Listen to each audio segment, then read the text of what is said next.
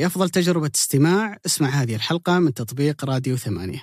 تقدر كمان تسمعها بدون موسيقى لو تحب. سيداتي انساتي سادتي.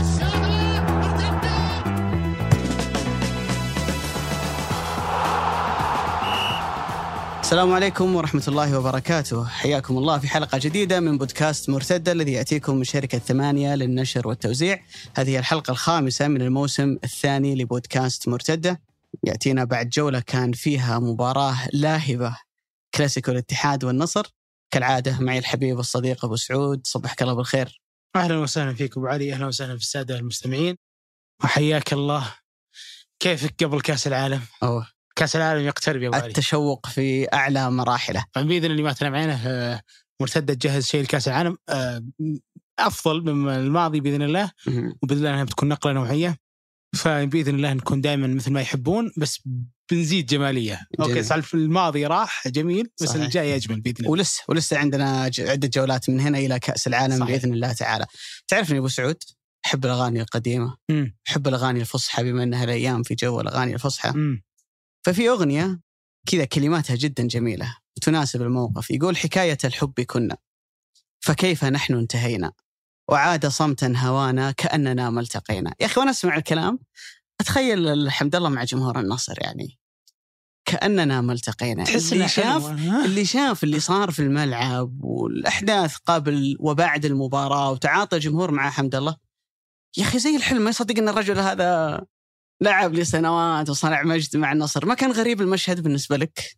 ترى أفضل أجنبي مر على النصر. أنا شافت عيني. ما أدري كانك تتفق معي ولا لا. هل في أجنبي أفضل من آه، عبد الرزاق حمد الله مر في تاريخ النصر؟ إذا نحينا ال- ما يمكن أن يؤثر على الرأي من أسباب عاطفية.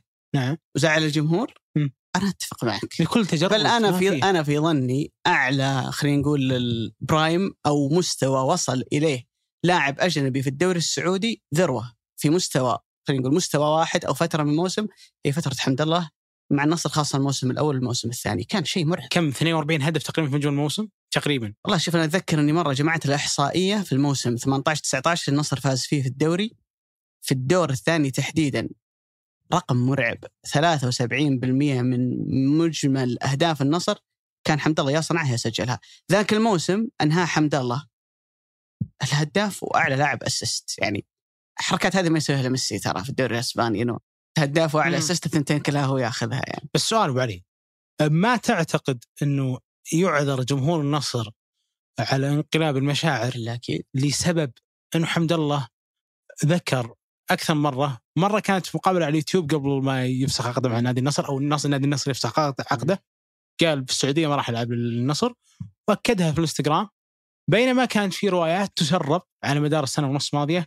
ان حمد الله معروض على الاتحاد، حمد الله ممكن يروح الاتحاد، حمد الله يدور فسحه في الاتحاد، ما أدري وش الحقيقة من ذا كله بس كانت هذه السيناريوهات تقرأ في تويتر في ال social media في الصحف الرياضية إنه ممكن حمد الله يروح الاتحاد. وكان في جزء من كبير من محبين النصر ما يتقبل هذه الفكرة ويقول لا حمد الله يعني هو حمد الله في الأخير. فلما صار هذا الكلام واقع آه ما لوم الجمهور إنه ينشحن.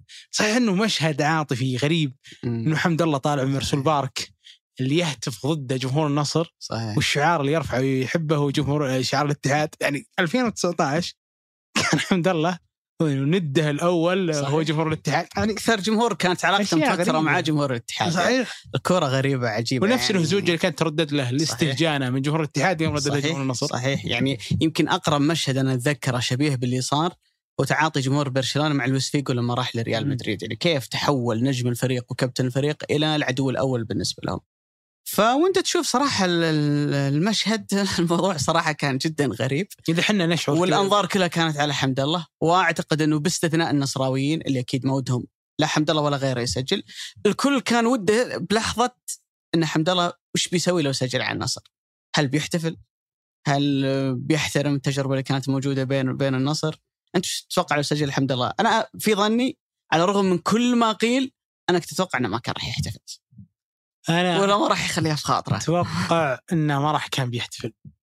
يمكن هذا الكلام ما أحب أقيس على افتراض بس أنا أتوقع إنه ما راح يحتفل. آه لأنه جالس يحاول يرسخ لرساله وهو رغم كل هذا الضجيج يحاول يثبتها. آه لما قابل واحد من الجماهير في المطار قال أنا ما جحدت النصر. قبل بعد ثالث مباراة له مع الاتحاد قال جمهور النصر ما زال في قلبي okay صح إنه الأفعال في قضايا وفي قضية هنا وفي قضية في الكاس. ما أدري في الفيفا أعتقد إنه بيحكم فيها في الوقت القريب وفيه سجال كذا كبير بس حمد الله جالس يرسخ كذا السطر. إنه أنا آه ما زلت أحب مم. هذا الجمهور ما زلت أحب أيام مع هذا الجمهور صحيح. رغم كل اللي مضى أنا مشكلتي مع الإدارة وليست مع الجمهور بس يعني في عرفت غالبا اللاعب يحب كذا باتجاه إنه وفعلا الجمهور ما له ذنب يعني في اللي. صار يعني. ممكن صح هو جالس يرسخ لي هذه النقطة. لكن على كل الأحوال آه، دائما فتحنا موضوع الجمهور. أجمل في المباراة كان الجمهور. صحيح. صراحة الحضور الجماهيري والعمل اللي سواه مجلس جمهور نادي النصر والأجواء اللي كانت في الملعب حتى بعد ذلك الفيديوهات اللي انتجت منها من أجواء الجمهور قسم بالله هي واحدة من جماليات الكورة اللي تفتخر إنك ودك تغرد تقول كذا بالعربي هذا الفيديو في دورينا. يعني هذا الشيء جميل. وأتمنى والله العظيم إنه تنهض ملاعبنا بشكل أكبر صحيح. بحيث إنها تستحدث المنشآت. أنا أسمع.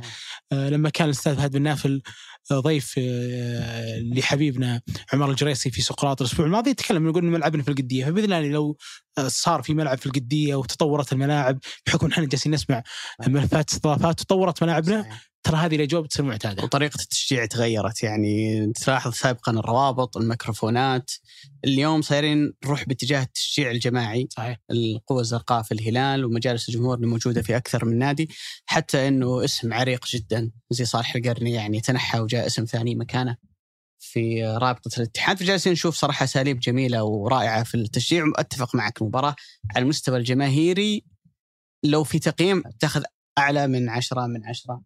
في هالمباراة تحديدا. لكن لو تكلم أبو سعود عن المباراة تحديدا أتوقع أني أنا وياك نتفق والغالبية يتفقون أن المباراة على مستوى الصخب على مستوى التشويق اللي كان قبل المباراة كانت في الذروة. لكن لما الحكم أطلق صافرته وبدأت المباراة المباراة على الجانب الفني إطلاقا ما كانت تشبه الترقب الكبير اللي كان يسبقها.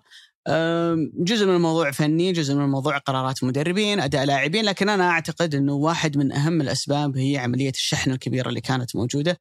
يقول لك واحد وش علاقتها؟ أنا أقدر أخذ الموضوع من زاويتين أن كل فريق لعب لفترات من المباراة منقوص فبالتالي تفكيرك تطبيقك لأفكارك سواء الدفاعية أو الهجومية وأنت ناقص العدد هو مختلف تماما عن لما تكون ب 11 لاعب. والجانب الثاني أنه أدى إلى أن المباراة تتوقف كثير يعني المباراة رقميا على مستوى دقائق اللعب هي ثاني أقل مباراة في الجولة من حيث آه، مجموع دقائق اللعب الفعلية. وبصراحة هذه من الإحصائيات اللي أنا مبسوط أنه صارت تطلع في الدوري السعودي صرنا نشوف أرقام اللعب الفعلي وأرقامنا صراحة جدا ممتازة. بالمناسبة في مباريات كثير تتجاوز ال 50 دقيقة وهذه هي معدل قريب من معدل البطولات العالمية الكبيرة. لكن الشاهد إنه في عشان هالمباراه نوضح أبو علي 60 دقيقة هو معدل البطولات العالمية صحيح؟ صحيح. أتذكر في 2015 كان في هدف من الاتحاد الآسيوي إنه ينمي آه، البطولات الآسيوية إنها توصل لل 50 دقيقة أو 45 دقيقة. فنحن نتجاوز هذا الرقم في هذه الفترة. آه، هذا اكبر مؤشر على اللي كان يتكلم إنه آسيا ضعفت ما هو إحنا اللي تطورنا. ومن هذا السياق لكن كيف شفت المباراة أنت؟ شوف أنا أعتقد إنه ال- المباراة كانت تحتاج إلى شرارة لتشتعل يعني يا هدف مبكر يا خلينا نقول فرصة ممكن محققة أو تشعر في لحظة ما إنه فريق قادر بشكل حقيقي إنه يهدد مرمى في الفريق الثاني. اللي صار إنه 90 دقيقة أنت لو بتاخذها رقميا في فارق واضح جدا في في الرغبة في ما أتكلم عن رغبة الفوز ولكن إظهار الرغبة هذه على مستوى على شكل مستوى على شكل أداء. تكلم عن 18 تسديدة كانت النصر في المباراة. بالمقابل لك أن تتخيل أن الاتحاد طوال المباراة شات كورة واحدة بس على مرمى آه، أسبينا. فبالتالي في فارق كبير جدا في الأداء الهجومي ما بين الفريقين لكن اللي أبغى أقوله إنه على الرغم من إن هنا تسديدة وهنا 18 لكن فعليا 90 دقيقة ما كان في ولا فرصة خطيرة. بالضبط. يعني آه. حتى يعني الفرص الرقم هنا خداع. خداع جدا لأنه الكور كانت سهلة، الكور كانت في متناول الحارس أو ما تشكل أي خطورة على على مرمى كلا الفريقين. المجمل أبو ف- علي خلينا نستذكر أنا وياك في فرصتين في هذه المباراة. أتكلم فرصة محققة. فرصة تاليسكا اللي باص غريب. واللي ارتدت منه جروهي وكملها ألفارو. هل في غيرها؟ تقريباً رأسية ما في- آه. في. ممكن نعتبر كرة العبود اللي كانت في نهاية المباراة. هي- صحيح، هي ما تحسب كتسديد آه العمري قطعها لكنها كانت فرصة واعدة جدا يعني نتكلم عن للتسجيل. تقريبا مجمل هذه المباراة كلها على بعضها. ثلاث فرص. مم. ثلاث فرص في خلينا نقول ثلاث فرص في أكبر مباراة كانت من- منتظرة طوال الفترة الماضية. كانت مجرد ثلاث فرص في هذه المباراة. لو فككنا الموضوع ترى نجاح كبير لنونو سانتو. ولو جداً. فككنا الموضوع أكثر ترى في الكثير من المشاكل آه، لرودي جارسيا آه، أنا أقول دائما إنه النصر هو واقع بين مشكلتين تكتيكيا اليوم. إما إنه هذا الفريق بنى رودي جارسيا وكانت معايير الدوري ما كانت واضحة له فاستسهل سالفة إنه يدخل بدون محور ثاني بدون طرف أيمن أو انه فعلا النصر كانت واضحة له هذه احتياجات. ولكن حضرت آه، قضيتين آه، لجوليانو فيتوريا فقلت من صرف النادي في الفترة الصيفية فدخل بهذا. آه، المجموعة. لكن الأكيد ما تتعب وأنت تلاحظ إن النصر لما يوصل للمرمى يكون تعب كثير عشان فرصة واحدة. صحيح. يعني- طب خلي- خلينا أبو سعود نا- ناخذها من البداية من التشكيلة. هل ترى أنه هذه أفضل تشكيلة ممكن النصر يبدأ فيها المباراة؟ يعني فكرة أنه أصلا الفريق اليوم لو بنصنف لاعبي المحاور في النصر دفاعيا وهجوميا بنحط علي الحسن وعبد الله الخيبري في خانة أنه أدائهم الدفاعي يغلب طابعهم الهجومي وبنقول العكس عن عبد المجيد السليم وجوستافو أنا بكون متردد صراحة ماني عارف أنا أصنفه مع ال- ال- المدافعين اللاعبين الوسط أصحاب الصبغة الدفاعية أو الهجومية لكن على الأقل أنت نزلت أفضل اثنين عندك المفروض أنهم يعطونك أداء بالكورة مع سامي النجعي كلاعب حل هجومي مع تلسكا مع عبد الرحمن غريب مع أبو بكر. تتكلم عن خط الوسط تقريبا كله طابع هجومي أو معظمه مع لاعبي ظهير تتكلم عن سلطان الغنام وكونان. جالسين يزيدون بشكل كبير جدا ويفتحون الملعب بالعرض ويوصلون إلى مناطق متقدمة جدا. على الرغم من ذلك من كل هالأسماء أنا بأمانة ما شفت انه النصر كان خطير هجوميا ولا شعرت انه النصر قاعد يعني يتسيد المباراة ب- بإجبار الاتحاد على أنه يعطيه الكورة أكثر من كون الاتحاد بيسلمك الكورة زي ما سلمها للخليج زي ما سلمها للعدالة فما في أي فرق. صحيح؟ وهذه ابو علي نقطة حساسة لما الكل كان يتكلم عنه النصر كان مستحوذ إلى 70% من المباراة، صحيح بس العدالة كان مستحوذ وفاز الاتحاد 3-0 الخليج كان الخليج مستحوذ. كان ماسك آه، كوره أعلى من الاتحاد والمباراة في الجوهرة. أنا أراهنك أبو علي بنسجل بإذن الله ما تنام عينه. ان الله أعطانا عمر يوم السبت الجاي الحلقة مرتدة. بقول لك الفتح مستحوذ على الاتحاد وبيستمر هذا الشيء. بس هذا نهج الاتحاد.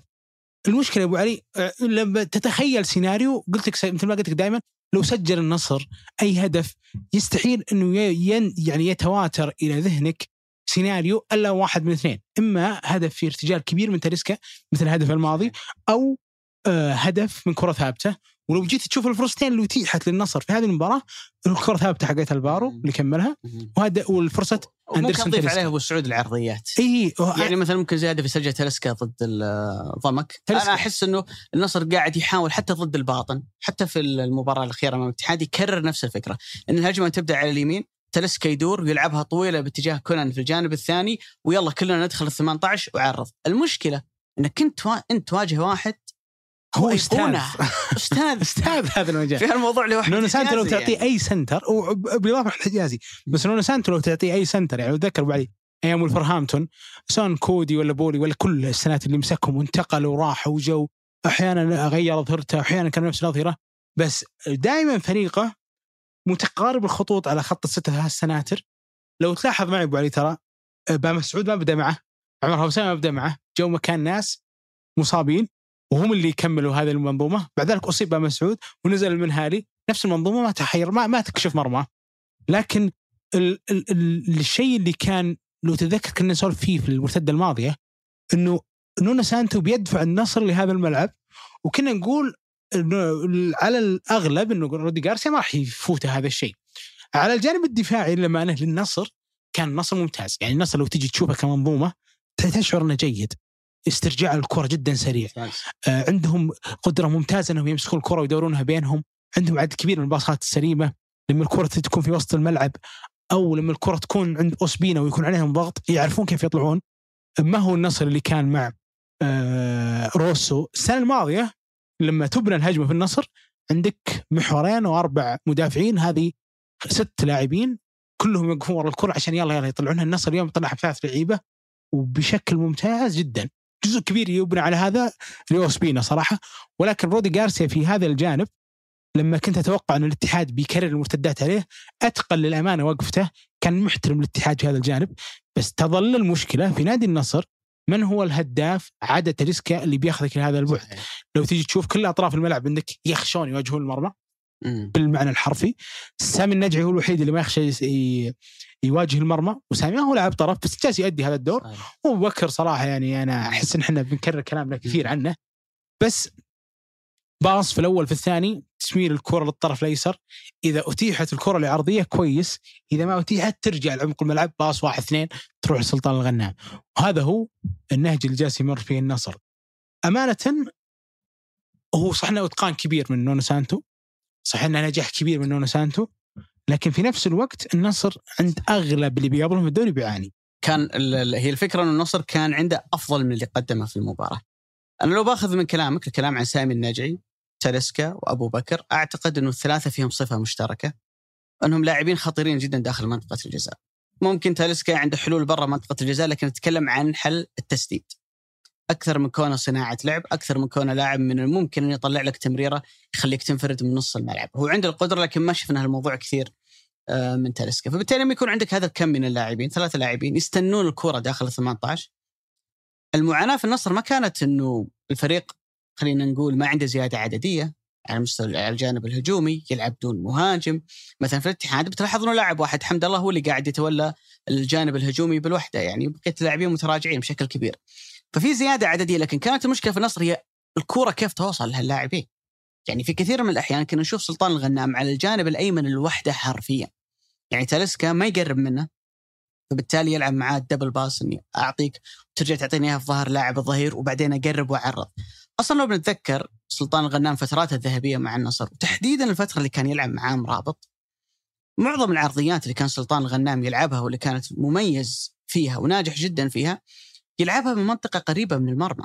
يعني إما إنه يلعبها بعرض الملعب لكنه يكون قريب من الركنية أو إنه يقرب لل 18 يصير على حافة ال 18 في أحيان يدخل ال 18 إما يلعبها عالية للاعب في على القائم الثاني أو يعكسها على برا اللاعب برا ال 18 حاول تسترجع المباراة أنا وياك والمستمعين ونتذكر كم مرة سلطان الغنام شفناه قريب من خط مرمى الاتحاد، أنا ما أتكلم خط المرمى اللي واقف عليه القروهي، اتكلم عن خط المرمى اللي من الركنية للركنية. سلطان كان مضطر إنه يعرض الكورة يا من مكان بعيد يا إنه في كثير من الأحيان ما يقدر يروح لأنه ما في لاعب مساند يلعب معاه خذ وهات فيضطر ان يرجعها مرة ثانية لجوستافو وتروح الكره على الجانب الأيسر. على الجانب الأيسر الموضوع ما كان بذات السوء لأنه عبد الرحمن غريب كان دائما يلعب قريب من كونان. أنت أصلا المشكلة لما يكون عندك ظهيرين اليوم ممكن يكونون أفضل ظهيرين في الدوري كإمكانيات لأنه مثلا تروح في الهلال سعود عبد الحميد قاعد يقدم موسم مميز لكن في اليسار إصابة ناصر الدوسري عدم ثبات مستوى ياسر الشهراني ممكن يخليه الاثنين ما هم في مستوى جيد مع بعض لكن سلطان وكونان خلينا نقولهم مو بشرط يكونون أحسن اثنين لكنهم اسمين مهمين ومميزين جدا عندك على مستوى الأظهرة. اللاعب الظهير بالحالة ما يقدر يسوي شيء. ترى جزء من نجاح أرنولد السابق مو بالحين لأن الحين كارثي لأنه يلعب قدامه محمد صلاح. جزء من نجاح في فترات سابقة في ريال مدريد كارفاخال ومارسيلو لأنه يلعب قدامهم كريستيانو رونالدو جارث بيل الفترات اللي ريال مدريد كان يلعب فيها بال- بالبي بي سي. لاعب الظهير إذا ما تحط قدامه جناح إذا ما يكون عنده منظومة تساعده في إنه يطلع مع المجموعة وياخذ الكوره في منطقة متقدمة جدا ترى ما يقدر يسوي لك كل شيء لوحده. في نهاية الأمر لما تعطي سلطان الغنام كوره على الطرف وما في ولا لاعب قريب منه. واللعيبة كلهم داخل 18 يستنون العرضيه سلطان ما حيقدر يسوي لك شيء. صحيح. في نهاية الأمر. فأعتقد إنه هذه واحدة من المآخذ اللي على جارسيا إنه تركيبة الفريق هجوميا كان عنده أصرار كبير جدا على إنه يكدس اللعيبة في العمق. ما كان عنده تركيبات على مستوى ال- ال- الأطراف. وهنا خلينا مثلا نقول اليوم اللي هو أيقونة في هالجانب اللي هو بيب جوارديولا مع السيتي. بتلاحظ دائما إنه ووكر قريب منه دي بروين لاعب الجناح الأيمن. الثلاثه هذول يطلعون الكورة على الجانب اليمين. تروح على الجانب اليسار بتلاقي الجناح الأيسر فودن ولا جريليتش مع برناردو سيلفا مع كانسيلو. هي تركيبات في كل جهة. أنا أسوي تركيبة من لاعبين من ثلاثة يلعبون ما بينهم. مثلا لاعب على الطرف لاعب في نص المساحة لاعب ينزل يستلم. لكن لما يكون عندك لاعب واحد بس تبغى تبني فيه خطورة على مستوى الطرف الموضوع يفوق قدرة سلطان ويفوق قدرة أي لاعب ثاني. وبالتالي أتوقع إنه من رجع من الإصابة هذا ما هو بسلطان اللي إحنا نعرفه وجزء كبير من الموضوع إن سلطان ما يقدر يسوي لك كل شيء لوحده. صحيح. زائد إنه أنت أصلا تجميعك اللعيبة اللي هم سامي النجعي وتلسكا وابو بكر دخل 18 لما ما توصلهم الكورة الكل حيبان سيء. يعني طبعا ما نختلف إنه ابو بكر هي فترة سيئة جدا بالنسبة له من والله ابو بداية- علي كانت طول, طول. فترته مع النصر كانت هذه العدد. الست شهور الأولى يعني لا أختلف. معك الموسم الماضي بعد ما طلع حمد الله آه. الفترة اللي جت بعد خروج حمد الله أبو بكر كان جدا. تأرخها أبو علي من أمم أفريقيا من أمم أفريقيا كان جيد الفترة ذيك تذكر المباريات اللي كانت مع المباراة اللي كانت مع الباطن وأكثر من مباراة مباراة ومباراه اللي جت الباطن في ذيك الفترة كان جدا ممتاز فيها أبو بكر إي لكن برضو علي- واداءه مع منتخب بلاده كويس يعني ما, هو- ما تقول إن اللاعب عنده drop عام في مستواه لكن الأمانة أن أنا فينسنت أبو بكر تحديدا ما أقدر أقيس بطولة أمم أفريقيا معاه لأني أدري أن أمم أفريقيا جزء كبير من النجاح والفشل فيها لا يعكس في أي بطولة دوري بتروح ثانية.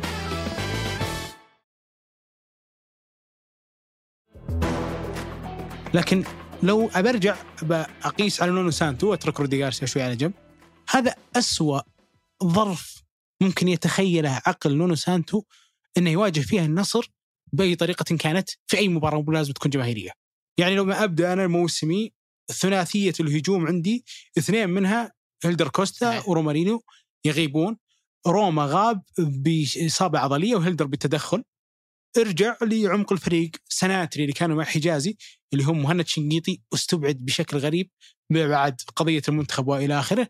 وعندك أحمد شراحيلي اللي تعرض للاصابه هاي ظرفين صعبة جدا. عبد العزيز البيشي يسوي عملية. ثم أنا الله يقوم بالسلامة تفشل ويسوي عملية ثانية أنا هنا فقدت أفضل واحد عندي ممكن يجلس على الدكه أحيانا ممكن يلعب أساسي. ولما تبدأ المباراة وقرني أنا احافظ أفضل لاعب في الأربع جولات الماضية يطرد.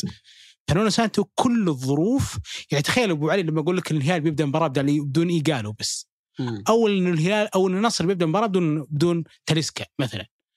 هذه بحد ذاتها ظروف تخلي الفريق ينهار خصوصا إذا كان هذا الفريق دكتة عبارة عن لعيبة 21 سنة 22 سنة لعيبة صغار السن تقدر تبني عليهم عبيد بس مدر العليان كمارا هذه الاسمين اللي ممكن لها تجربة تقدر تقول.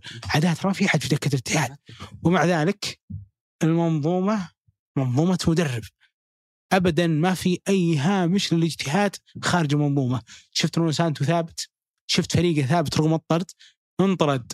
آه، طارق حامد اللي صار بس اللهم انه ايجور كورنادو رجع ورا وفرغ كل الخط الهجومي لحمد الله انه على اجتهاد حمد الله. وكان في هدف واضح للنونو سانتو أنا في المباراة بيخسر وأمانة أنا أحترم هذا النوع من الأهداف لأنه منطقي. جداً كان منطقي. جدا منطقي. أنا أقدر أبو علي أدخل مثل كوزمين كونترا مباراة اللي كانت في حايل كانت قدام الطائي فاقد ايجور كورنادو فاقد حمد الله وأدخل بهذا الشكل المندفع وأضغط بالضغط العالي ويضربني السيارة في كورتين طولية واحدة منها يسجلها آه، سعيود واجلس اندم حظي على ضياع الدوري. في نفس الوقت آه، أقدر آه، مثل لو تتذكر معي مباراة الهلال اللي كانت قدام النصر نفسه في الدور الثاني لما كان فيها ليوناردو جارديم مباراة العصر كانت نفس الحال فيها نوع من إنه أبى ألعب باسلوبي بغض النظر عن حالي وحالي الفني وحال غياباتي. اللي صار مع نونو سانتو هو يعلم جيدا إنه بالنسبة للنصر اللي يعتبر واحد من أربعة منافسين له ب- ابتعاده بهامش النقاط اللي كان موجود بالنسبة له النقطتين بيكون مكسب للاتحاد. بينما إن النصر يكسب ويتجاوز الاتحاد ترى مصيبة. اسمح لي أختلف معك أبو سعود. أنت كما أنت زي إنك تشير إلى إن نونو سانتو مرن لا ما هو فبالتالي- أنا أنا اشير فهمت من كلامك إنه مرن. يعني أنا لا، لا، أتعامل لا. مع ظروف المباراة لا، لا، واكون لا. واقعي ومنطقي. لا لا لا لا لا, لا. لأنه في في زعل كبير من جمهور الاتحاد. خلينا نقول لبعض منهم. خليني أوضح لك على سانتو. أنه يلعب بأسلوب واحد ضد كل الفرق. إيه، يعني خليني- أسلمك الكرة وتراجع في نص الملعب. لا خليني أوضح لك مقصدي. هو اللي يختلف بس ان سانتو ما كان كويس في هجمته. هذا المختلف الوحيد ترى. ليش ما كان كويس؟ ما عنده عناصر. هو لما أصيب واحد مثل كورنادو عفوا واحد مثل رومارينيو اللي عوضه مهند شنقيطي لما أصيب واحد مثل هيلدر كوستا اللي برضو عوضه واحد في عمق الملعب اللي هو برونو هنريكي. فهو ما عنده أصلا خيارات يقدر يزيد فيها. لكن أنا أتكلم عن إنه ضربت كل خطوطه بكمية غيابات مرعبة. صحيح. طرد لأفضل لاعب سنترين هم الأساسيين مع حجازي ولاعبين مهاجمين مم. في الوقت اللي أصلا حمد الله ما كان موجود مم. هم اللي كانوا يبدون الموسم. مع ذلك ما خسر. أنا هذا مقصدي فيه. إنه أنا دخلت مع النصر النصر وفر أرضية مرعبة صرف رائع في الصيف وقع عدد صفقات جيد. تكلم عن جوستافو عن الفارو عن كونان عن أوسبينا. أنا ما وقعت مع هيلدر كوستا وطارق حامد. وأضف على ذلك كمية زاد بشري محلي كويسة. يعني اليوم إحنا جالسين نعتب على رودي جارسيا وإنه معانا في الهجوم وما إلى آخره، رودي جارسيا كانت على دكته خالد غنام وأيمن يحيى. أو حتى علي الحسن. الثلاثة ذول اللي ينزلون قائمة ال- الاتحاد يلعبون أساسيين. يعني بيوظفهم نونو سانتو بأفضل شكل. ففارق في العناصر يعني أبو علي بالبلدي كذا القيمه السوقيه اللي لعبت النصر 65 مليون يورو الاتحاد 30 مليون يورو. مم. فارق كبير صراحة بين القائمتين. ومع ذلك نونو سانتو طلع راس براس. عشان كذا أنا أحترمه. تتذكر أبو علي كنت أقول لك في أول مباراة لعبها قدام العدالة كل الفرق الكبرى بتعاني قدامه. أنا توقعت إنه ممكن هو يعاني قدام النصر بسبه الغيابات لكن آه، جبل ما هز ريح عارف. والله في واحد ثاني أنا جدا أحترمه على طاري الاحترام. لاعب الكرة في ظني أبو سعود هو هو حاجتين إمكانيات وشخصيه وشفت في حياتي كثير لاعبي كورة عندهم إمكانيات عالية لكن بدون شخصية كبيرة عمرك ما تكون لاعب كبير. وأنا هنا أتكلم عن أحمد حجازي تحديدا. أوه. النقطة اللي ذكرتها اللي هي موضوع الغيابات، خلينا الحين نتشك... نتخيل شكل الاتحاد الدفاعي. بيوقف ثلاثة سناتر وراهم حارس مرمى وقدامهم يعني لاعب أو لاعبين ارتكاز، لكن في الغالب إنه لعيبة الارتكاز بيكون واحد منهم هو يعني ذو صبغة دفاعية وهو الساتر الدفاعي الأول أمامك. قروهي زي ما هو ما تغير، اللي على يمينه مهند شنقيطي. تم إيقافه، على يسار احمد شراحيلي تعرض لإصابة نتمنى له إن شاء الله العودة سريعا. واللي قدامه طارق حامد. تلقى بطاقة حمراء في الشوط الأول من المباراة. بالتالي أنت وجدت نفسك في موقف ضد فريق مميز هجوميا عنده عناصر جدا ممتازة اللي هو النصر وأنت فعليا بالحالك اللي لسه باقي من المجموعة المثالية في التركيبة الدفاعية للاتحاد خلفك قروهي لكن لو كانت المباراة من نوعية المباريات اللي يمكن زي ما شفنا الموسم الماضي على سبيل المثال الفيحة. على الرغم من التنظيم الدفاعي اللي يتم الإشادة به من أفكار رازوفيتش الدفاعية اللي كثير ما امتدحناها لكن في كثير مباريات كل هذا ينضرب وينقذك حارس مرماك. فعليا في الخمس جولات الماضية أنا ولا مرة شفت قروهي ينهي المباراة وهو نجم المباراة. تقول المباراة هذه كانت بتضيع من يد الاتحاد لولا تدخلات قروهي فعليا اللي قاعد يحمي الاتحاد في الخمس جولات السابقة واللي خليه يطلع بكلين شيت في كل الخمس جولات الماضية هي صلابته الدفاعية. صحيح. أنت ما أنت قادر توصل إلى حارسه ولو وصلت فوصولك ما هي بهجمات خطيرة. فلما تتغير عندك كل هالعناصر جزء من الموضوع هو تنظيم مدرب ولكن جزء مهم جدا هو دور أحمد حجازي. وأنت تتابع المباراة باستمرار عينك تقع على حجازي هو يوجه هو يوجه اللاعبين إنه نوقف هنا ونسوي وما إلى ذلك. اتذكر في لقطة في شوط المباراة الثاني آه، أحمد بن مسعود غلط في تمريره ممكن كان يضغط على نفسه ويلعب وهو مصاب فطلب تغيير قد يكون اللاعب فعلا مصاب وقد يكون عنده شعور إني أنا ماني في حالتي البدنية المثالية فبالتالي بغلط وبنقولها بالبلدي بوهق فريقي فخليني أطلب تغيير ما هو بخوفا ولكن عشان ما أضع فريقي في موقف محرج. لو شفت اللقطة وانتبهت حجازي كان يأشر يقول لا. لا تطلب تغيير لا تطلع خليك موجود. أيضا في نقطة الشوط المباراة الثاني مع الطرد كانت في مشكلة عند الاتحاد إنه النصر بيضغط علي أنا كيف أطلع بالكورة؟ فكانت التعليمات واضحة عند نونو سانتو اللي شاف الشوط المباراة الثاني تمريره تطلع ضربة المرمى قصيره من قروهي تروح لأحمد حجازي ونحاول نبني الهجمة ناحية اليسار. فكانت دائما التمريرة تروح باتجاه حجازي وأنت حجازي اللي يطلع لنا الكورة. يقال عن حجازي إنه واحدة من يعني معايب إنه ما هو كويس في البناء. أنا اللي اذهلني في المباراة هذه لما كانت الكرة تطلع له على اليسار كان في كل مرة يطلع الكرة برجله اليسار وفي معظم الأحيان كانت تطلع صح. يعني أنت تعطيني الكرة على رجلي الضعيفة اللي أنا ماني مميز فيها ومطلوب مني إني أطلع الكرة ومع ذلك أنا ما كنت أرتكب أخطاء كبيرة. هنا أنا أقول لك إن لاعب الكرة هو امكانيات وشخصيه لأن في المواقف اللي زي هذه إذا أنت ما أنت لاعب كبير على مستوى الشخصية تنكشف. لما يطلع اللي حواليك لما يغيب السنتر اليمين واليسار وتتأثر المنظومة هنا أنت تنكشف هنا يبان إنه أنت لاعب جيد كإمكانيات لكن تحتاج إلى لاعبين جيدين حوالينك عشان أنت تظهر بهذا المظهر. لكن في بعض اللاعبين اللي حوالينا كويسين ولا ما هم كويسين في نهاية الأمر لا هو اللي. عليه بيسويه وبيظهر بهذا المظهر الجيد. فأعتقد إنه نقطة أحمد حجازي أبو علي. أه، أتوقع أكبر إنصاف له أنه أخذ الشارة. يستاهل. صراحة كابتن بلاي على قولتهم. لكن أه، اللي بي ممكن ينعت حجازي بأي وقت من الأوقات أنه ما يعرف يبني هذا أتوقع أنه ممكن يتابع أي أحد إلا حجازي صراحة. أح- أحمد حجازي أحيانا إذا طلع في وسط الملعب تشعر أنه لاعب وسط. من كثر ما هو عنده الجراءة وعنده ال... خلينا نقول الحس الهجومي اللي يقدر يضيف فيه. أتذكر مباراة الأهلي مباراة النصر السنة الماضية مباريات كثيرة. لكن في الجانب الهجومي تحديدا اللي هو أنا أشوفه عيب كبير في نادي النصر اليوم لما يكون رودي جارسيا حل الكثير من المشاكل اللي كانت تكشف فيه آه، مساحات ومرماه بالتحديد. إلا إنه لو تستثني مباراة الباطن على إنه أكيد واضح السبب استثنائي لها. النصر في أربع مباريات سجل أربعة أهداف. معدل ما هو ما هو مطمئن على كمية الزخم اللي صايرة. أضف نقطة في ثلاث أشواط متتاليه ترى ما سددوا التسديده على المرمى. أضف نقطة أخرى على كم العناصر المفقودة في الاتحاد على كم العناصر اللي كانت تخلي النصر يلعب في نصف ملعب الاتحاد؟ فرصتين بس. فرصتين بس كانت لنادي النصر في هذه المباراة. هذا مؤشر بتعب النصر كثير لو حاول يستمر. شوف المطمئن ممكن يكون لإدارة النصر أنه أو لجمهور النصر أنه العمل اللي موجود اليوم ما يحتاج إضافات جوهرية عميقة تحتاج إلى الكثير من التغيير. يعني عندك مدرب كويس عندك خط دفاع كويس عندك خطوط كويسة. لكن أنت في المقام الأول عندك احتياجات واضحة جدا تساعدك علشان تأخذ هذا النوع من المبادرة. يعني مو منطقي أشوف كونان وعبد الحان غريب في الطرف الأيسر على عبد الحليم العبود حالة اثنين على واحد وشوفهم يعانون. كونان ممكن تقول لاعب ظهير آه، غالبا تتاح له مساحة بيعرض لكن عبد الحليم غريب بالتحديد كان يعاني. يعاني من جرات إنه يدخل. واحد من سامي الناجعي جزء كبير من قوته وخطورته ياخذ الكرة في العمق أو ياخذ الكرة الثانية تحت المهاجم.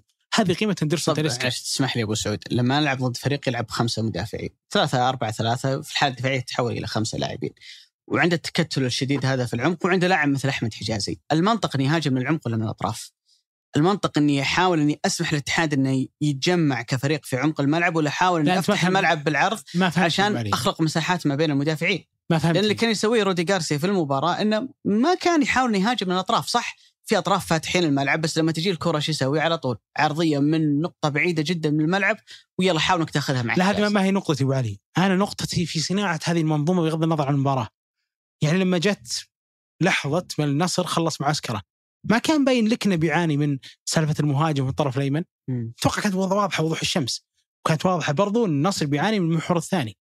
فكمية اللعيبه اللي بياخذونك لنقطة تقدمية قليلة جدا في النصر تتكلم عن اندرسون تاليسكا فقط عبد الحليم غريب على حد ما أنا متأكد منه طوال السنة الماضية كان يعاني من هذا الجانب أضف على ذلك انك انت ما عندك طرف أيمن يعني اليوم ممكن. كنا نسمع كثير طيب ليش. ما يعطي فرصة اللاعب كان مميز في الصيف الماضي زي ايمن يحيى اللي اخذ أفضل لاعب في كأس آسيا تحت 23 هذا السؤال يسأل لاعب يلعب. رجله اليسار يلعب ناحية الطرف اليمين. حتى لما كان عبد الفتاح عسيري متاح ما شفنا يلعب بالفكرة هذه إني أنا لاعب جناح يمين رجله يسار. يا رجل عشان تدري إن التقييم كان خاطئ وش كان نظرة القرار في نادي النصر لبيتي مارتينيز الصيف الماضي؟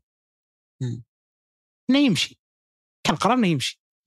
تتوقع لو بيتي مارتينيز كان موجود أو لو بيتاح لرودي جارسيا بيتردد ولو لوهلة إنه يلعب أساسي المباراة الجاية؟ بيلعبه. ليش؟ لأنه يعاني من هذا الجانب. طيب هنا السؤال. أنت ليش ما غذيت هذه النقطة بالتحديد؟ أنت عندك ثلاث لعيبة تقريبا كلهم يلعبون في نفس الطرف الطرف الأيسر. عبد الحليم غريب خالد الغنام وشريبوف عبد الحليم غريب كله هو جالسين من هذه الخانة. بينما عندك شح عناصر في الطرف الأيمن. عندك شح واضح الكل يشوفه. في اللاعب الثمانية أو اللاعب المحور التقدمي هذا. طيب يقول لك هذا كان قرار مدرب هو اللي طلب جوستاف. علشان كذا أنا إيش قلت قبل شوي؟ هو واحد من اثنين. أما أن رودي غارسيا إذا كان هو صاحب هذا القرار ما قيم الموقف بالشكل السليم بحكم إنه خبرته ما ساعدته مع إنه النصر جالس يفاوض لمدة سنة أو إنه كان يخطط إنه يجيب لاعب ولكن الالتزامات المالية اللي حددت نادي النصر فيما يخص جوليانو وفيتوريا أتوقع أن النقطة الثانية هي قللت. يعني آه، ترى. منطقيا منطقيا على مستوى الأندية السعودية ما صعب نادي ترى يغير آه، ستة سبعة جانب في فترة انتقالات واحدة يعني النصر جاب ألفارو جاب آه، لويس جوستافو جاب أسبين. أتكلم عن ثلاث أسماء والأسماء كلها يعني أسماء لها اسمها وتجربتها على مستوى كرة القدم الأوروبية. فبالتالي ما, ما أتوقع منه إنه يقدر يغير خمسة ستة لاعبين في صيف واحد. ترى الموضوع جدا يكون مرهق ماليا. إي بس يعني النصر صيف 2020 وقع مع 13 لاعب. آه، جزء كبير منهم قيموا بأكثر من تقييمهم الصحيح نتكلم عن الصفقات اللي جت من نادي الفتح. أو حتى صفقة آه، صفقة عبد الفتاح عسيري لما اتكلم الآن عن- صفقه آه، عبد آه، عبد المجيد الصريهم تكلم بعرض عن صفقة آه، الله يعطيني اسمه آه، لجامي وعلي الحسن اللي قيمه تقريبا ب 40 مليون على حد كلام رئيس نادي الفتح مع الاستاذ وليد هراج. كل هذه الصفقات قيمتها تقريبا كان خاطئ صراحة. بس أعتقد والنصر اللي هذا. الصيف ترى كلهم لعبوا وعملوا معهم احرار مم. بس نهايه الامر في رواتب تدفع وفي مقدمات عقود. لكن النقطة اللي أنا أعنيها إنه ما تقدر تحط لوم كبير جدا على الأسماء بقدر ما تحط ملامتك على فكرة أنت أصلا كيف تشكل الفريق. يعني لما نتكلم الآن عن نونو سانتو منطقيا من الصعب إنك تجد طريقة لعب تضم هيلدر كوستا وكورنادو وروماريني وحمد الله. ومع ذلك خلال الجولات الماضية شفنا شكل جيد للفريق الاتحادي. يعني في الجولات الماضية واحد من أكثر الفرق اقناعا في الدوري لحد الآن. الفريق اللي متصدر ومكتسح في الدوري لحد الآن اللي هو الشباب. لو أنا وياك قبل بداية الموسم أقول لك في أسلوب لعب بيضم جوانكا وكارلوس جونيور. وبوبنزا وسانتي مينا بتقول لي مستحيل. ما فيش. ومع ذلك قدر المدرب إنه يصنع منظومة من الأسماء اللي موجودة عنده. حتى المباراة الأخيرة اللي كانت أمام الفيحاء سحب واحد منهم ونزل هتان بهابري وقدر ان من الأسماء والعناصر اللي موجودة عنده إنه يولف فريق جيد وقوي ومناسف ومنافس.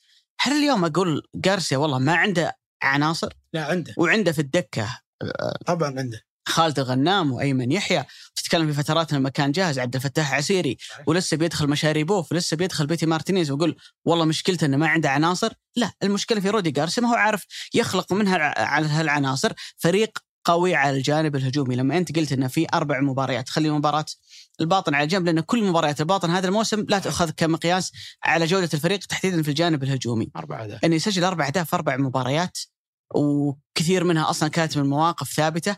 لا أعتقد إنه هنا يعني أنت واضح إن عندك خلل واضح في المنظومة الهجومية. صح. عشان نفكك الفكرة أبو علي رودي جارسيا يتحمل إنه ما حاول يحسن هذا الجانب المتاح وبرضه منظومة النصر كانت تعاني من قبله إنه عندها تكدس غريب دائما في مراكز بزود على غير احتياج. يعني اليوم تشوف دكة النصر فيها عبد الله الخيبري وعلي الحسن هذول في مركز. لعيبة إلى قبل أقل من سنة كانوا في قائمة الرياض في المنتخب. صحيح. تجي تشوف الطرف الأيسر السنة الماضية خلال السنة. جوناثان خالد الغنام أضف عليهم شريبوف تجي ذا السنة يضاف على هذولي عبد الرحمن غريب. بينما الطرف الأيمن اللي ما في أحد يملاه من رحيل نور الدين مرابط ما في أحد. تجي تشوف عمق الملعب عندك في الستة في اثنين يعني يشار لهم إذا واحد منهم أخذ خانه وثبت بيكون كويس. علي الحسن وعبد الله الخيبري. تجيب جوستافو ويبقى مركز الثمانية. يشارك فيه لاعب أقل منهم كجودة اللي هو عبد المجيد الصليح مع التقدير والحب لكن أتكلم كجودة لاعب فتقييم الموقف هنا كان في خطأ صحيح ولكن هذا الخطأ كان قبل رودي جارسيا واستمر ما بعد رودي جارسيا الأكيد أبو علي إنه كل هذا كوم وانك كنادي مثل النصر تلعب تقريبا كل مباراة على رحمة هل أبو بكر بيعطيني جزء من اللي عنده ولا لا؟ هل حالته البدنيه كويسة ولا لا؟ هل هو أصلا بيلعب ولا بيكون مصاب؟ ولو تعرض لإصابة من اللي بينزل مكانه؟ ترى لما أصيب أبو بكر في مباراة الكاميرون الماضية اللي كانت في أيام الفيفا وحدثت نوع من خلينا نقول الشك إنه ممكن يشارك مباراة الاتحاد ولا لا كانت بتكون أزمة رودي جارسيا ما هو لأنه أبو بكر لاعب ممتاز ما في إلا هو. فالنصر أصلا عنده مع تعامله مع مراكزه بجدية ما كان أمانة شيء ممتاز. أدري إنه قضيتين جوليانو وفيتوريا متعبة بس ما هي الخط العريض في هذه الرسائل باعتبار انك انت وقعت مع جوناثان السنة الماضية وانت وقعت مع عبد الحليم غريبه هذه السنة أنت وقعت مع جوستافو وعندك الخيبري والحسن. كل هذه الأسماء أنت جالس تتخذ قرار إنك تصرف عليها بينما عندك طرف أيمن ولاعب ثمانية منقوصين بالنسبة لك. هذا كله بخلاف مثل ما اكرر دائما. ما في النصر مهاجم يوازن قيمة إنك تحقق هذا الدوري. الاتحاد عنده حمد الله. الشباب عنده سانتيمينا الهلال عنده إيجالو. وأندية الوسط برضو عندهم مهاجمين كويسين. يعني تقدر تشوف تفاريس الحين في الرائد توامبا في التعاون ما ودي أدخل في خلينا تعدد الأسماء ولكن الأندية عندها كم عناصر كويس على مستوى ال finisher. أبو بكر آخر لاعب أنت تحطه معه. أبو سعود أنا مرة ثانية بختلف معك. لأني أعتقد إنه ليس بالضرورة إن يكون عندك مهاجم قناص وفتاك عشان تنافس على الدوري. الاتحاد الموسم الماضي صحيح إن حمد الله كان له تأثير مهم في الدور الثاني لكنه لعب الدور الأول واللي كان فيه منافس على الدوري مهاجم رومارينيو والفترات اللي يغيب حمد الله فيها بس رومارينيو تتكلم عن هو مش مهاجم تسعة كلاسيكي بس ان أبو علي كان مسجل أكثر من 18 هدف في صحيح. الدوري طب هو ليش مسجل؟ لأن المنظومة تساعدك إنك أنت تسجل. تروح اليوم للشباب مثلا سانتي مينا ولا واحد من اللي يلعبون الأربعة اللي قدامي قال عنه إنه مهاجم. يعني سانتي مينا في أفضل تصنيفاته بتقول عنه تسعة ونص أو مهاجم ثاني. بس ان ما اليوم هو مع بلاعب الشباب ما هو بلاعب التسعة الكلاسيكي اللي زي إيه، صحيح. إيجالو اللي يلعب ظهر للمرمى ويحضن بقية اللاعبين. لا أنا أقصد ابو علي إن نهاية الهرم في خط الشباب أنا. أتفق معك لكن أنت ما تقدر تخلي نهاية الهرم هذا لاعب زي تاليسكا ليش ما تقدر؟ لأنك إذا تفقد هو عنده مشاكل كثيرة في عملية تحضير الهجمة خلني. ولا هو بايجابي في عملية الصناعة لبقية الزملاء اللي أنا أحاول أقول أبو سعود إني أنا ما أبغى أخلي مسؤولية جارسيا لا لا أنا ما أخذ ليس. بالضروره يكون عندك أفضل سكواد عشان صح. أقول لك طلع لي منظومة هجومية جيدة خلينا أنت. تقدر بالعناصر اللي عندك يعني وش الاختلاف الكبير لو أنت بتلعب مثلا بعبد الرحمن غريب وأيمن يحيى وتاليسكا وسامي النجعي وخالد الغنام ولما يرجع مشاريبوف وبيتي مارتينيز ترى تقدر تخلق منظومة هجومية زي اللي في الشباب اللي قاعدة تمشي بدون مهاجم وزي اللي في الاتحاد الموسم الماضي اللي كان بكورنادو ورومارينيو كسر الدنيا في الدور الأول وكانوا الاثنين هذولا عندهم اكتساح كبير على الجانب الهجومي. لأن في نهاية الأمر في تنظيم وتوليفة طلع من العناصر هذه أفضل أداء ممكن. تاكيدا لكلامك إنه في المباراة نفسها ما نزل يعني تبديلاته كانت بناء على طرد تصريحهم وتبديل إصابة العمري بدال مادو ما احد ما احد ما نزل أي أحد من العناصر الهجومية الموجودة عليها في الدكه أنا أتفق معك في هذا الجانب. لكن في نفس الحال أنا لا يمكن أن اغفر الحال العناصر الموجوده عليه في نادي النصر تحديدا على مسألة المهاجم. يعني واحد مثل اندرسون نتفق أنا ما أختلف معك خليني أوضح لك أنا أنا, أنا. ترى تكلمنا بداية الموسم وأنا قلت إنه خطأ عند النصر ما في مهاجم. خليني خليني أوضح لك أبو علي وش الشيء اللي أنا ما ألوم فيه جارسيا؟ أنا ما ألوم انه يفكر إنه يلعب تريسكا مهاجم. لاعتبار واحد في ظني أهم ميزة في تريسكا إنه يدخل المنطقة وهو غير مراقب. مسألة إني أحطه بين السناتر أعتقد بيكون نفس الوضع. كانك تحط إدواردو مهاجم. إنه سالفة الدبل باص انه يدخل ويختار التوقيت يدخل فيه المنطقة هذا شيء بيعيقه كثير. لكن ترى لعب فيها روسو الموسم الماضي لما أصيب إيه. أبو بكر صح. كان تقريبا تريسكا واخر لاعب. اي بس ما كانت جانب ناجحه الهجومي. أنا ما اشوفها كانت ناجحه ممكن تنجح مباراة في كاس تنجح مباراة كبيرة تعديها بس كمنظومة موسم عندك مشكلة أمانة في هذا الجانب. لكن خليني أرجع أبو علي أقول لك التقييم اللي أنا أقصده اليوم. روما لما كان يلعب كمهاجم روما في جزء مع سيارة لعب مهاجم في جزء مع آه تي تين هاج لا مو تين هاج آه تين كات المهاجم المدرب الهولندي لعب كمهاجم فعنده هذا الحس وروما هداف. بينما أبو بكر ما عدى سبع أهداف في الموسم الماضي.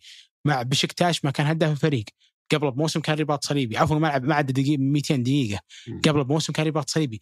فال history حقه ما يساعد ابدا بأي مقياس إنك تقول هذا اللاعب مبني عليه كمهاجمي بينما مثلا في الهلال عنده قالوا في الشباب عنده زخم مهاجمين. يعني بينهم تبادل أدوار كبير. سنتيمينا هو رأسهم.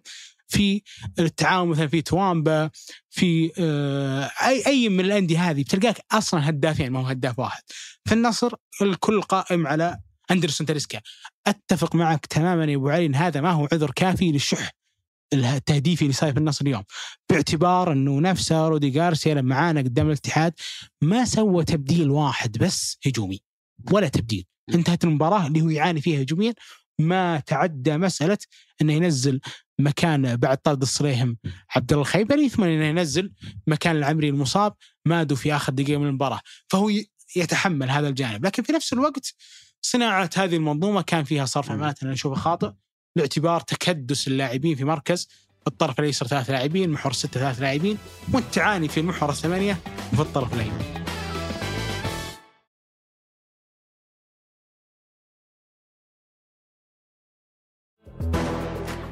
أسهبنا كثيرا في مباراة الاتحاد والنصر. خلينا ننتقل لمواجهة ثانية كانت آه، أيضا من أجمل وأمتع المواجهات في هالجولة كونها تجمع الهلال بالتعاون.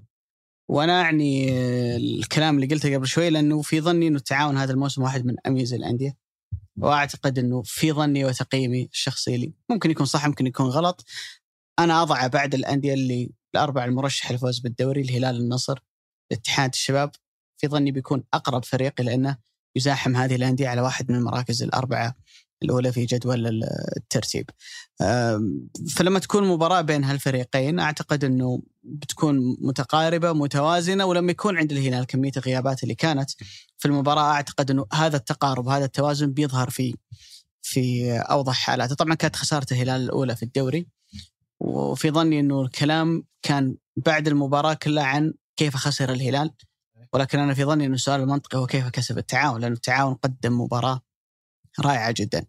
من تس من خمس جولات لعبها التعاون هذا الموسم فاز في ثلاث مباريات وتعادل في مباراتين لم يخسر حتى الآن.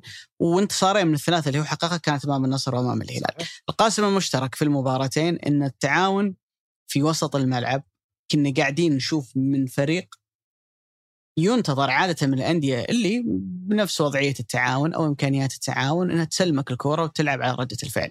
لكن اللي شفناه في مباراة النصر في مباراة الهلال إن التعاون قاعد يقدم نفسه كواحد من الأندية اللي لا أنا بجاريك في وسط الملعب وأنا بقارعك في وسط الملعب وفي كثير من فترات المباراة يبان إن عنده تفوق على مستوى وسط الميدان.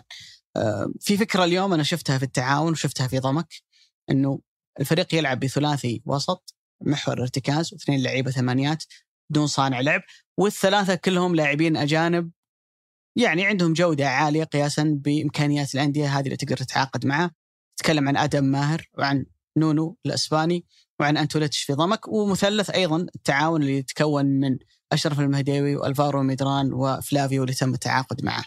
فأعتقد إنه ثلاثي الوسط هذا اللي موجود عند التعاون في المباراتين اللي كانت ضد النصر ضد الهلال كان في ظني في المرتين هو نجم المباراة. صحيح في تميز دفاعي بعد حالة الطرد التعاون خط دفاعه تحديدا حمل عبء المباراة في شوط المباراة الثاني لكن على مستوى الصراعات في وسط الملعب والسيطرة أعتقد إنه مرة أخرى التعاون قاعد يورينا إنه فريق ثقيل جدا. الفكرة اللي أنا عانيتها اللي متشابهة ما بين التعاون وضمك إنه الفريق لاعبي الأجانب هم اللعيبة اللي في عمق الملعب، تكلم عن حارس مرمى سنترين ثلاثة لعيبة وسط ومهاجم واللاعبين المحليين هم لعيبة الأطراف الظهيرين والجناحين.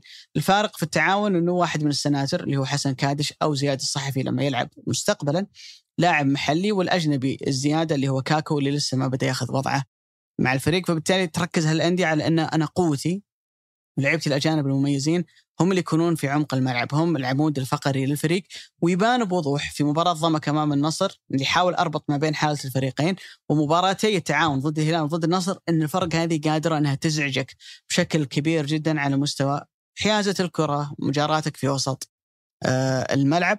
وأعتقد إنه التعاون قدم مباراة جدا ممتازة.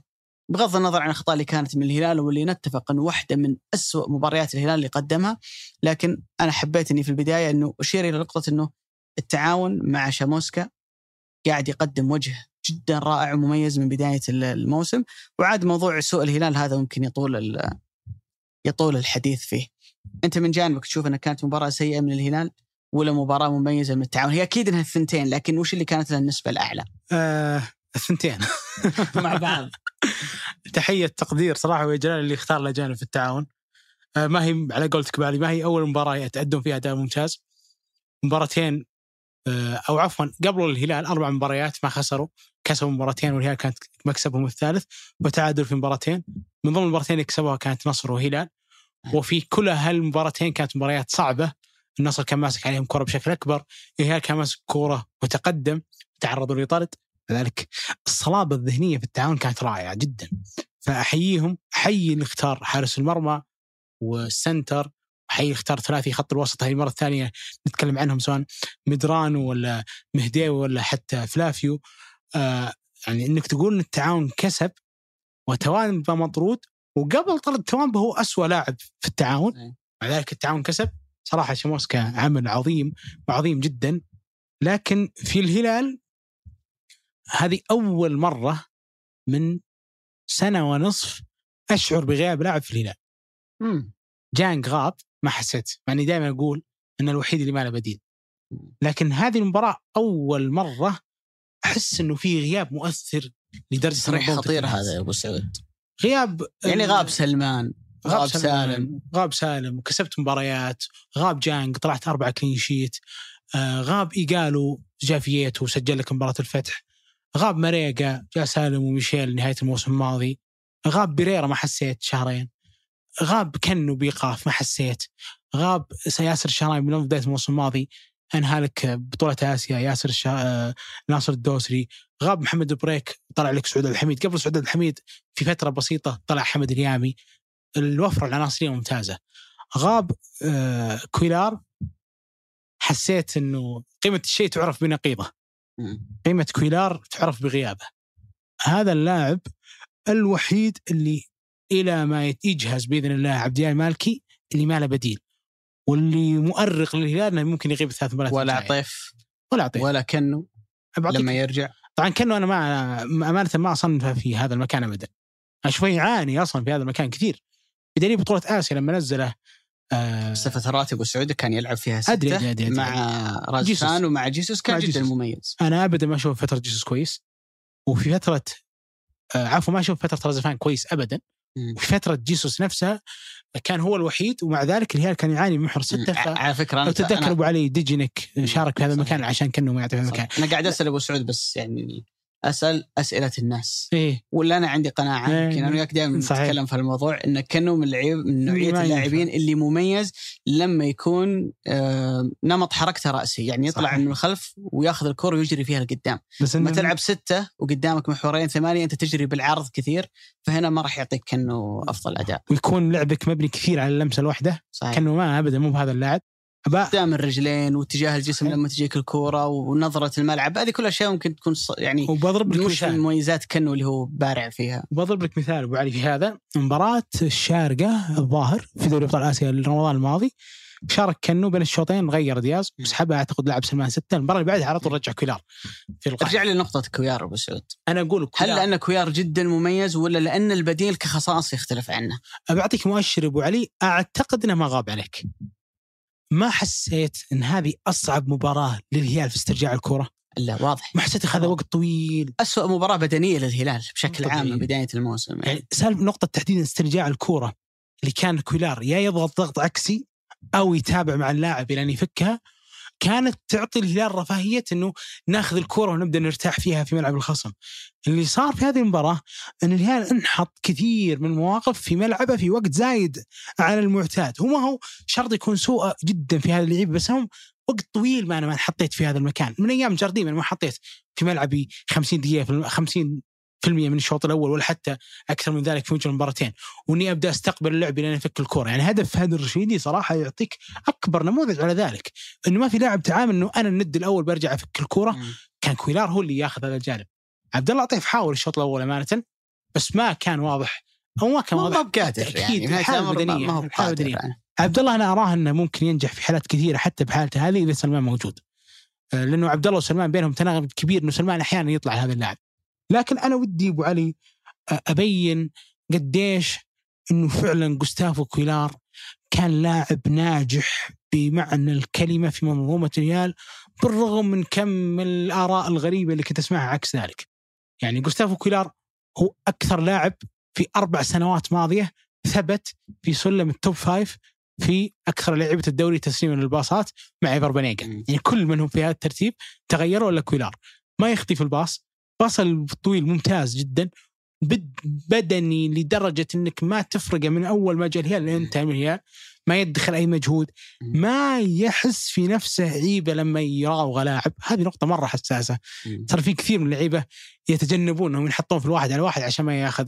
هذا المكان أضف إلى ذلك إنه لما واحد في البريرة مثلا يفقد كرة كثير في وسط الملعب تلقاه مركز تماما إنه يغطيه انت تكلمت عن نقطة تغطية لسعود الحميد آه، المباراة الماضية وحتى عن محمد بريك في المرتدات اللي كانت تلعب في ظهره هذا الوعي وكان التكتيكي يجنبك في كثير من الأحيان يجنبك فرصة واعدة إنه أنت تخلق مرتدة ضدك.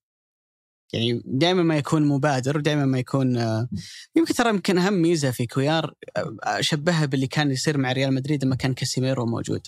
صحيح جانب الشراسة اللي مفقود عند كروس مودريتش هو اللي يأمن لك إياه. تكلم عن كاريو ممكن يكون لاعب مجهوده وافر يجري كثير يحاول يضغط لكنه ما هو بشرس لا هو ولا سلمان ما يصنف إنه لاعب شرس فهو هذا يجي يعوض لك هذا النقص اللي اللي موجود خليني. أوضح لك في ابو علي نقطتين اولا لما نقول إنه قيمة الشيء تعرف بنقيضه من هو اللاعب الهلالي المعني في استرجاع الكرة لما يكون جوستافو كويلار ما هو موجود كلهم أبطأ منه سواء كان محمد كنو كبديل الأول ولا حتى كان عبد الله عطيف في هذه المباراة اللي حالته البدنيه ما تساعد كنت تشعر إنه الهلال ياخذ وقت طويل على ما يسترجع كورته. السبب واضح جدا انه كويلار غايب على الجانب اللي إحنا يعنى فيه في نقطة إنه من هو اللي بيغطي المساحات اللي بتستهدف فيها لعيبة الهلال، يعني محمد بريك في المباراة الماضية، ماثيوس بيريرا بال- بالكثير من المباريات أو حتى أي لاعب من هاللعيبة تجد إنه في الضغط العكسي جوستافو كويلار أول من يواجه أقرب لاعب يمتلك الكورة.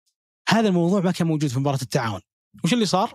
ثلاثة أشرف المهديوي، فلافيو بالإضافة إلى ألفارو مدران كلهم يدخلون ملعب الهلال كلهم مميزين في ال pass ياخذون وقت طويل في ملعب الهلال فالوصول إنك تقابل معيوف كان سهل جدا ترى حتى لما الهلال تقدم وهذه النقطة اللي كان كويلار ما يحط لعيبة الهلال فيها عشان كذا أنا أقول أنه أحيانا ما ألوم بعض اللعيبة في خط الدفاع لأنهم ترى من زمان ما انحطوا في هذا الموقف يعني سانت ماكسيمان مثلا في مباراة نيوكاسل والسيتي اللي انتهت بالتعادل كانت قبل تقريبا شهر لعب game مو طبيعي على كايل ووكر. أنا من زمان ما شفت أحد يلعب على كايل ووكر game لكن أنا ما ألوم ووكر لأنه من زمان ما حد قابله بهال بهالندية موقف يعني. جديد. موقف جديد من سنتين أنا ما حطيت فيه.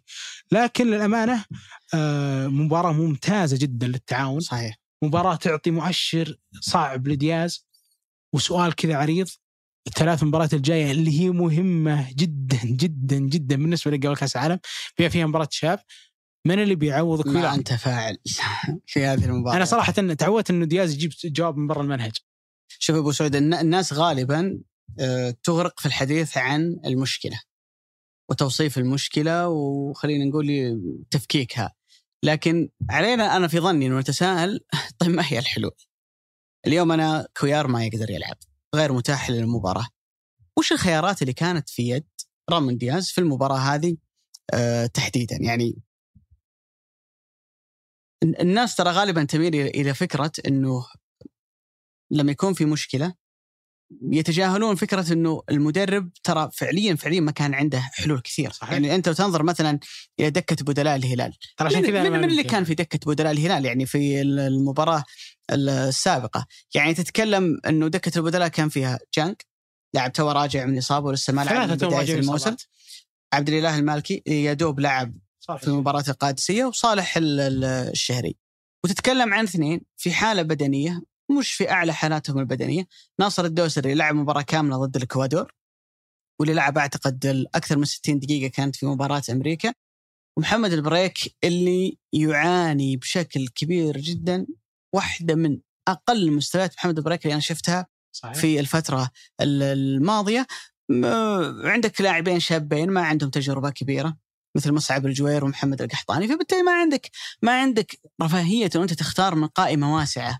من الأسماء بسبب الغيابات اللي كانت موجودة لو أنا مكان دياز أو خليني أحاول أفكر زي مثل دياز قبل المباراة هل أنا بقدر أكسب المباراة هذه من خلال السيطرة على الكرة ولا من خلال أن المباراة تكون مفتوحة والاستحواذ فيها متقارب بين الفريقين وهنا بروح باتجاه إني أنا بحاول إني أكسب المباراة بدنيا من خلال الضغط من خلال الافتكاكات من خلال الصراعات الثنائية. في ظني أسوأ شيء قرار أنت ممكن تاخذه إنك ضد نادي زي التعاون وبإمكانيات التعاون تراهن على إنك بتلعب مباراة بتسيطر فيها على الكورة، ليش؟ تاخذها خط خط، عبد الله المعيوف هو واحد من أفضل خياراتك على مستوى بناء اللعب. لكن لما تجي إلى مستوى قلبي الدفاع أحسن واحد يطلع لك كورة من الخلف ما هو موجود اللي هو جانك، والهلال اعتاد على غياب جانك الفترة الماضية لكنه اسم مهم جدا على مستوى إنه يطلع لك الكورة من وراء. تروح للظهيرين الظهير الأيسر عندك هو في الأصل ظهير أيمن. تتذكر أبو سعود متى اخر مباراه رسميه لعبها محمد اليامي؟ من زمان. آه، بعطيك اياها بالضبط.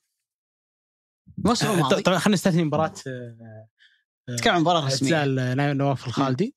كانت مباراة الهلال والتعاون قبل ال- الفترة الشتوية الماضية. يا ساتر. لما انتهت 3 2 مم. انتهت 3 2 وهو كان عنده اسيست لموسى مريقا وبعدها على طول الهلال غير جانبه ودخل في معترك يعني تتكلم عن شيء ثمانية شهور تسعة شهور. تتكلم عن لاعب مبتعد واصلا الخانة ما هي خانته. فبالتالي أنت يعني جزء أساسي ومهم لما تكون تبغى تحاول تستحوذ على الكورة يكون لك سيطرة عالية في المباراة تحتاج ظهيرين يفتحوا لك الملعب. فأنت واحد من الظهيرين أنت ما تقدر تعتمد عليه في هالموضوع اللي هو حمد اليامي. تروح على مستوى خط الوسط. لاعب مهم زي كويلار ما هو موجود. وأهم عنصر عندك في هذه المنظومة منظومة السيطرة وبناء اللعب سلمان الفرج ما هو موجود. فبالتالي اثنين من أصل ثلاثي خط وسطك اللي أنت تعتمد عليه ما هو موجود في المباراة. أضف إلى ذلك كاريو. ليش أنا أقول كاريو؟ لأن البعض استغرب من ليش كاريو طلع في شوط المباراة الثاني في وقت كان الهلال يحتاج فيه لكل عناصره المميزة على مستوى خط الوسط. قدام الفتح كاريو طلع الدقيقة 61 المباراة اللي بعدها ضد الوحدة طلع دقيقة 65 وحتى أمام الزمالك تم استبداله في شوط المباراة الثاني. أنا ما عندي معلومة لكن من الواضح أن كاريو من فترة ما يقدر يلعب 90 أعطيك دقيقة. معلومة أبو علي. أه تؤكد رأيك. أه أندريا كاريو في فترة آه، التوقف الماضية راح للمنتخب البيرو. وكانت عنده مشاركة. ما تمرن ولا تمرين. مع الهلال ما تمرن ولا تمرين. هو هو واضح. وكان جالس في الاستشفاء. وواضح إنه. عنده مشكلة بدنية.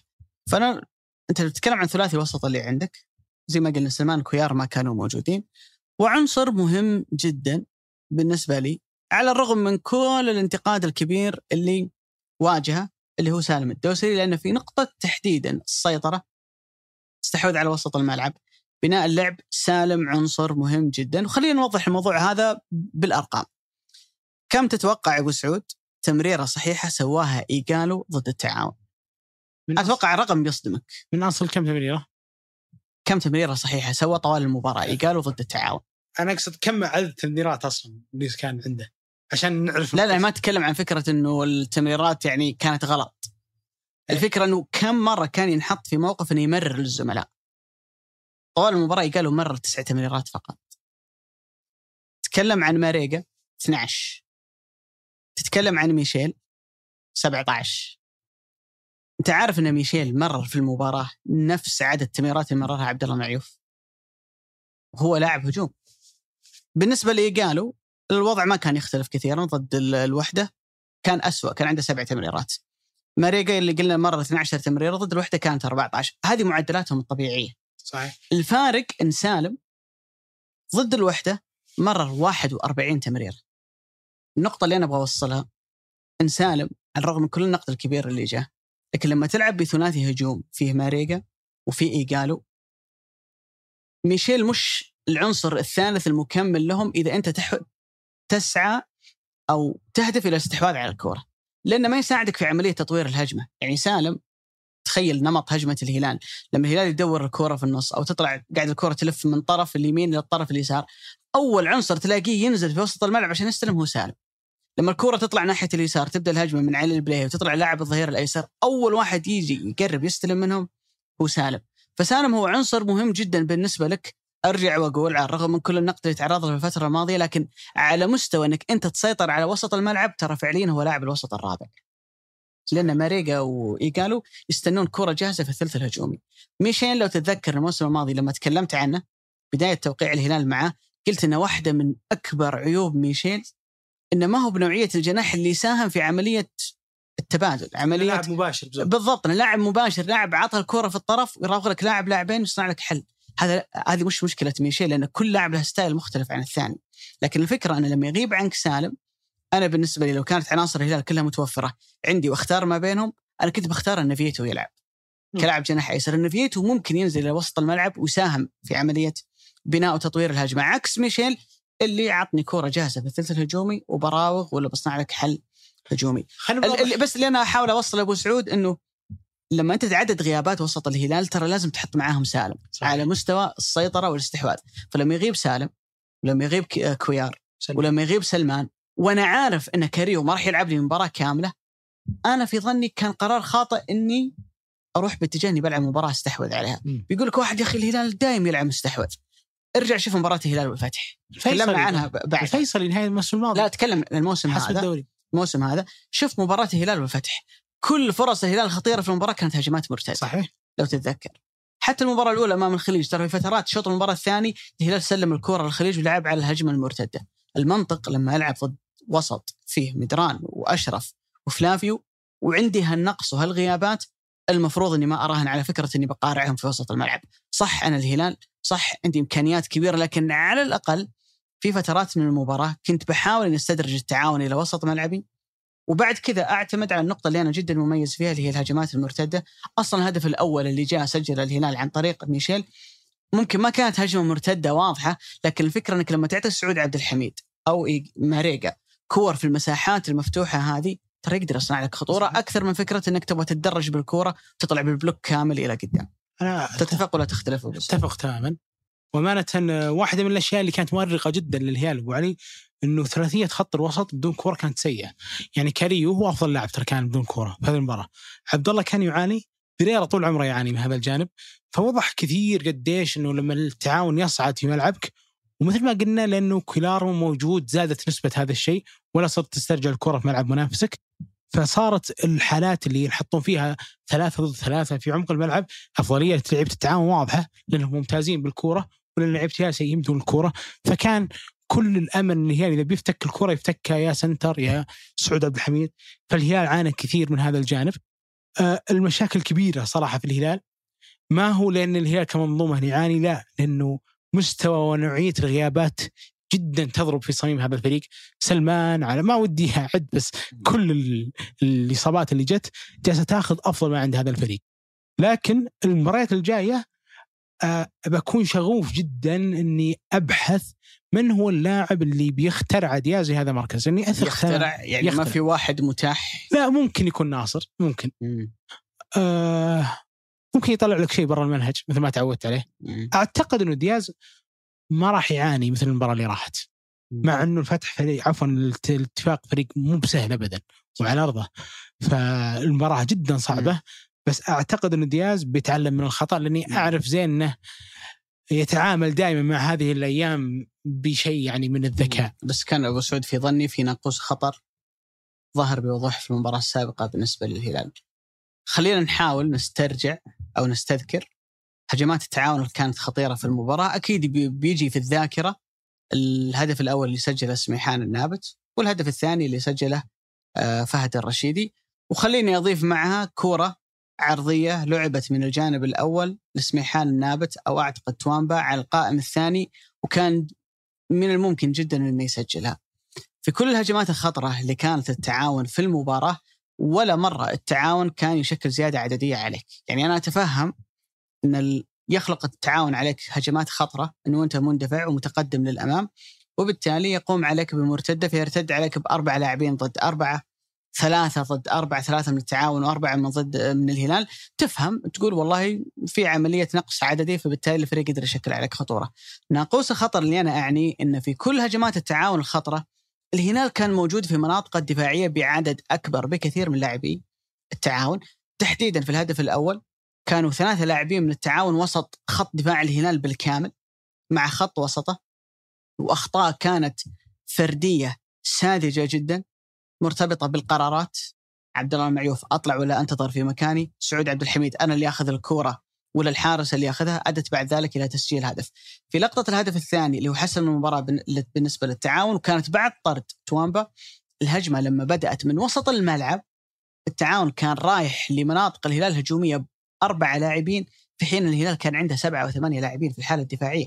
ومع ذلك سهولة كبيرة جدا في إنك أنت تمرر، سهولة كبيرة جدا فهد الرشيد إنه يأخذ الكورة ويدور وبعد ذلك يقدر إنه يسددها آه، من تحت. يعني قدم محمد جحوي تدخل بعد ذلك آه، المرمى بكل سهولة، اللي أنا أعني إنه الهلال على مستوى الشراسة كان عنده مشكلة كبيرة جدا في المباراة، لما أتكلم عن ت- تغي- تأثير غياب كويار أكيد إنه مؤثر لكن مش معقول ولا مقبول إن كل عناصر الفريق تكون بهذه بهذه النعومة، بهذه خلينا نقول السذاجة ولا مبالاة في الجانب الدفاعي، مش معقول إن لاعب واحد زي فهد الرشيد يتكلم عن نادي الهلال وعن عن نادي يعني مرشح للمنافسة ويستهدف الفوز بالدوري. مش مقبول من لاعب يلعب في الفريق انه يكون بهذا التصرف اللي كان موجود من جحفري وأنا هنا ما أعني أفراد يعني ما أحاول ألصق الموضوع بفرد وإنما سلوك مجموعة. لعيبة ما كان عندهم شراسة ما كان عندهم رغبة وقتالية عالية جدا في موضوع الضغط في موضوع افتكاك الكرة وإعادة يعني تدوير الكرة بعد ذلك انه تتشكل منها هجمات فأعتقد إنه المباراة هذه أنا في ظني رأيت فيها جانب مشكلة كبيرة عند الهلال على الجانب البدني والأهم في ظني إنه مثل هالنوعية من المباريات إن لم تتعافى منها سريعا ترى قد تكون بداية مرحلة drop. أنا ما أقول إنه الفريق سيخرج من المنافسة ولا أقول إن الأمر سيصل إلى سوء يؤدي بعد ذلك إلى إقالة مدرب وتغيير لاعبين، لكن كل فريق تمر عليه في الموسم فترات drop، ترى في الغالب ال drop يبدا من مباراة أنت تخسرها وأنت ما سويت شيء. لأنك لما أنت تلعب بشكل جيد وما توفق في الفوز ترى بيكون عندك قناعة إني أنا كويس بس ما وفقت. في المباراة الجاية برجع لكن لما أنت تقدم مباراة على مستوى الأداء الكل يجمع إنها سيئة بل تقدر توصفها تقول عنها إنها كارثية. أعتقد إنه هذا ممكن يدخل اللعيبة في حالة شك. فانا أنا أعتقد إنه ديانز الموضوع مسألة تعويض لاعبين غائبين ومصابين هذا أكيد إنه تحدي يواجه لكن التحدي الأهم بالنسبة لي هو كيف يتعافى الفريق نفسيا وذهنيا قبل المباراة الجاية أمام الاتفاق. تحدي كبير.